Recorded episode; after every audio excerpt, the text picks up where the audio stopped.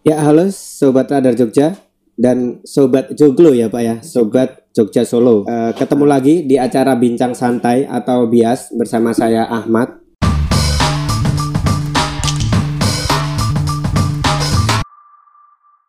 Kita akan ngobrolin soal proyek pembangunan yang cukup besar dan cukup banyak dibicarakan orang. Di samping saya sudah ada Bapak Yani Haryanto sebagai Direktur PT Jogja Solo Margo Makmur.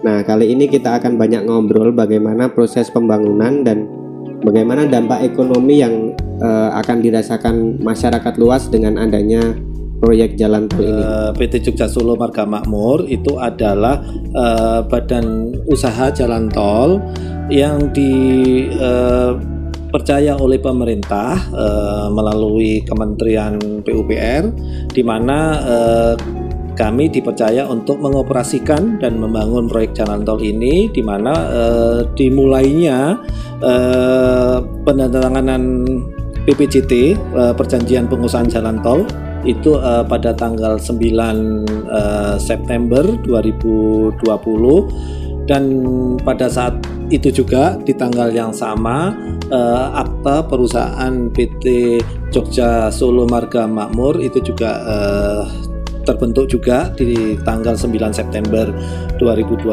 dan jalan tol ini adalah jalan tol yang merupakan uh, proyek strategis nasional atau uh, BSN dan memang betul Pak uh, Mas Ahmad tadi disampaikan bahwa uh, total investasi di proyek jalan tol Jogja Solo ini uh, sebesar 26,4 triliun di mana di dalam pembangunan jalan tol ini panjang jalannya sepanjang 96,5 uh, 7 kilo. Itu setara kalau kita hitung adalah uh, 273 miliar per kilo untuk pembangunnya. Memang cukup cukup besar juga uh, dalam hal ini di mana PT Jogja Solo Marga Makmur ini uh, dimiliki oleh empat pemegang saham di mana yang uh, terdiri dari dua pemegang saham swasta dan dua pemegang saham dari BUMN. Nah, kami sampaikan kalau untuk pemegang saham dari uh, swasta itu adalah PT Gamma Group dan PT Daya Mulia Turangga, sedangkan dari BUMN itu adalah uh, Jasa Marga dan PT Adikarya. Untuk uh, memulai kegiatan yang dilakukan JMM adalah uh, kegiatan untuk pembebasan tanah, walaupun kebebasan tanah ini sebetulnya adalah uh, domain dari pemerintah untuk melakukan pembebasan lahan. Namun eh, JMM ini mensupport Pak, mensupport bagaimana eh, pembebasan tanah ini bisa dilakukan eh, dengan eh, lebih cepat lagi eh, prosesnya, di mana untuk eh, lahan yang dibebaskan dari arah Kartosuro sampai dengan nanti uh, di Banda sampai India Progo itu sebesar 13.396 bidang. Yang itu uh, yang tersebar nanti akan kita bagi dalam hal uh, proses pembagiannya itu menjadi tiga seksi ya Pak. Tiga seksi itu uh, seksi satu dari Kartosuro sampai dengan Puro Martani sepanjang 42,37 km seksi 2 itu dari Purwomartani ke Gamping sepanjang 23,42 km dan seksi ketiga itu dari Gamping ke Purworejo eh, sepanjang 30,77 km. Kami harapkan adanya sinergi antara eh, masyarakat yang terdampak dengan eh, manajemen Pak, dengan manajemen dengan pemerintah kita bersinergi bagaimana mewujudkan eh, eh, percepatan pembebasan tanah ini bisa terwujud dengan baik.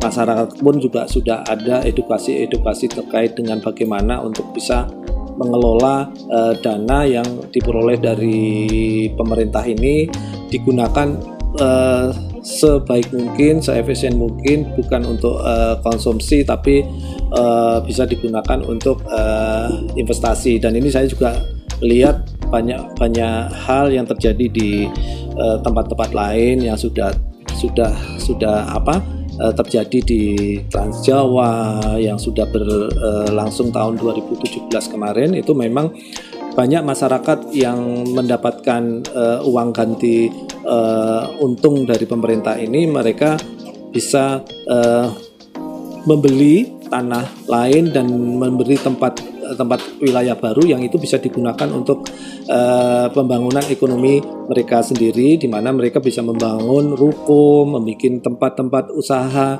Ini yang memang diharapkan dari kami pun uh, ini bisa uh, terbangun dengan baik. Uh, ada yang hal positif juga mereka itu uh, melaksanakan kegiatan umroh bersama. Nah, ini juga satu desa, Pak. Itu satu desa pernah melaksanakan umroh bersama. Wah, ini bagus juga ini. Ini yang pernah saya melihat kejadian itu di daerah Malang akibat adanya dampak uh, uang ganti rugi itu bisa dilakukan uh, mereka uh, menggunakan dana itu uh, se maksimal mungkin lah uh, di, di, digunakan untuk uh, ke, kegiatan dalam hal uh, untuk hal yang positif ya Pak dalam artian bukan untuk hal-hal yang negatif. Saya rasa eh, saat ini nih masyarakat juga sudah mulai terbangun eh, edukasi tersebut Pak. Eh, dampak-dampak yang eh, jalan tol jalan tol yang sudah terbangun di Trans Jawa ini eh, setelah uh, beroperasi itu uh, memang akan terjadi uh, perubahan terhadap perekonomian di mana uh, PDB atau produk domestik bruto yang selama ini di uh, dengan adanya jalan tol yang sudah beroperasi ini diharapkan uh, ada peningkatan dan memang hal-hal uh, yang hal tersebut juga sudah terjadi di daerah-daerah yang uh, dilalui tol ya Pak. Contoh durian Pak ya. Ya durian itu yang selama ini di itu bagian produksi bisa dilakukan di Sumatera itu dengan adanya jalan tol itu uh, sangat mudah didistribusikan ke Pulau Jawa.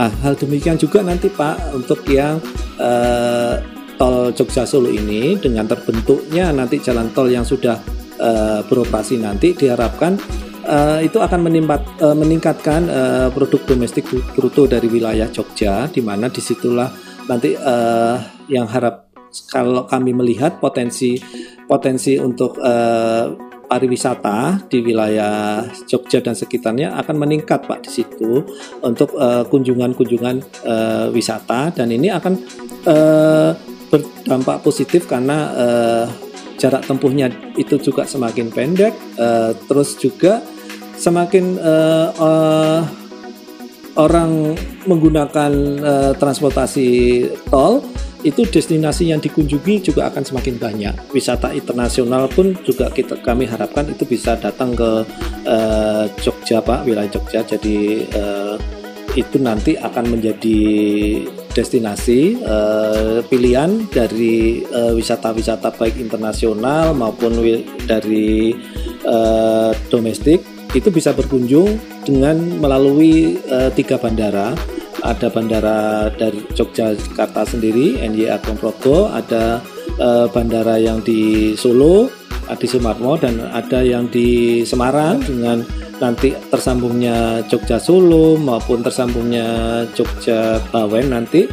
Ini akan terintegrasi menjadi uh, jaringan tol yang uh, bisa tersambung. Itu nanti akan menjadi istilahnya menjadi Joglo Semar ya Pak namanya istilahnya uh, Jogja, Solo, Semarang dan ini juga akan uh, sangat mendukung, sangat membantu kepada uh, para uh, wisatawan ataupun yang yang domestik maupun internasional itu bisa untuk uh, memilih Pak mau lewat uh, Solo atau melewat Jogja atau melewat Semarang. Ini sangat potensi yang sangat bagus dengan adanya jalan tol ini uh, mereka para wisatawan ini bisa memilih artinya uh, dari mana um, uh, mereka akan uh, uh, turun dan itu juga hal positifnya juga untuk daerah-daerah uh, sekitar uh, bandara. Ini juga akan muncul uh, baru pak pastinya nanti. Uh, di mana di situ juga akan muncul uh, perekonomian bangkitan bangkitan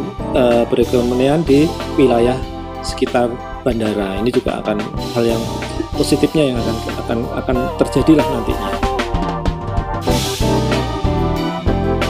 Ya, sekian dulu uh, bincang santai kali ini dan pembahasan mengenai proyek pembangunan jalan tol Solo Jogja YIA Kulon Progo ini tidak akan berhenti sampai di sini, jadi nanti akan ada lanjutannya lagi.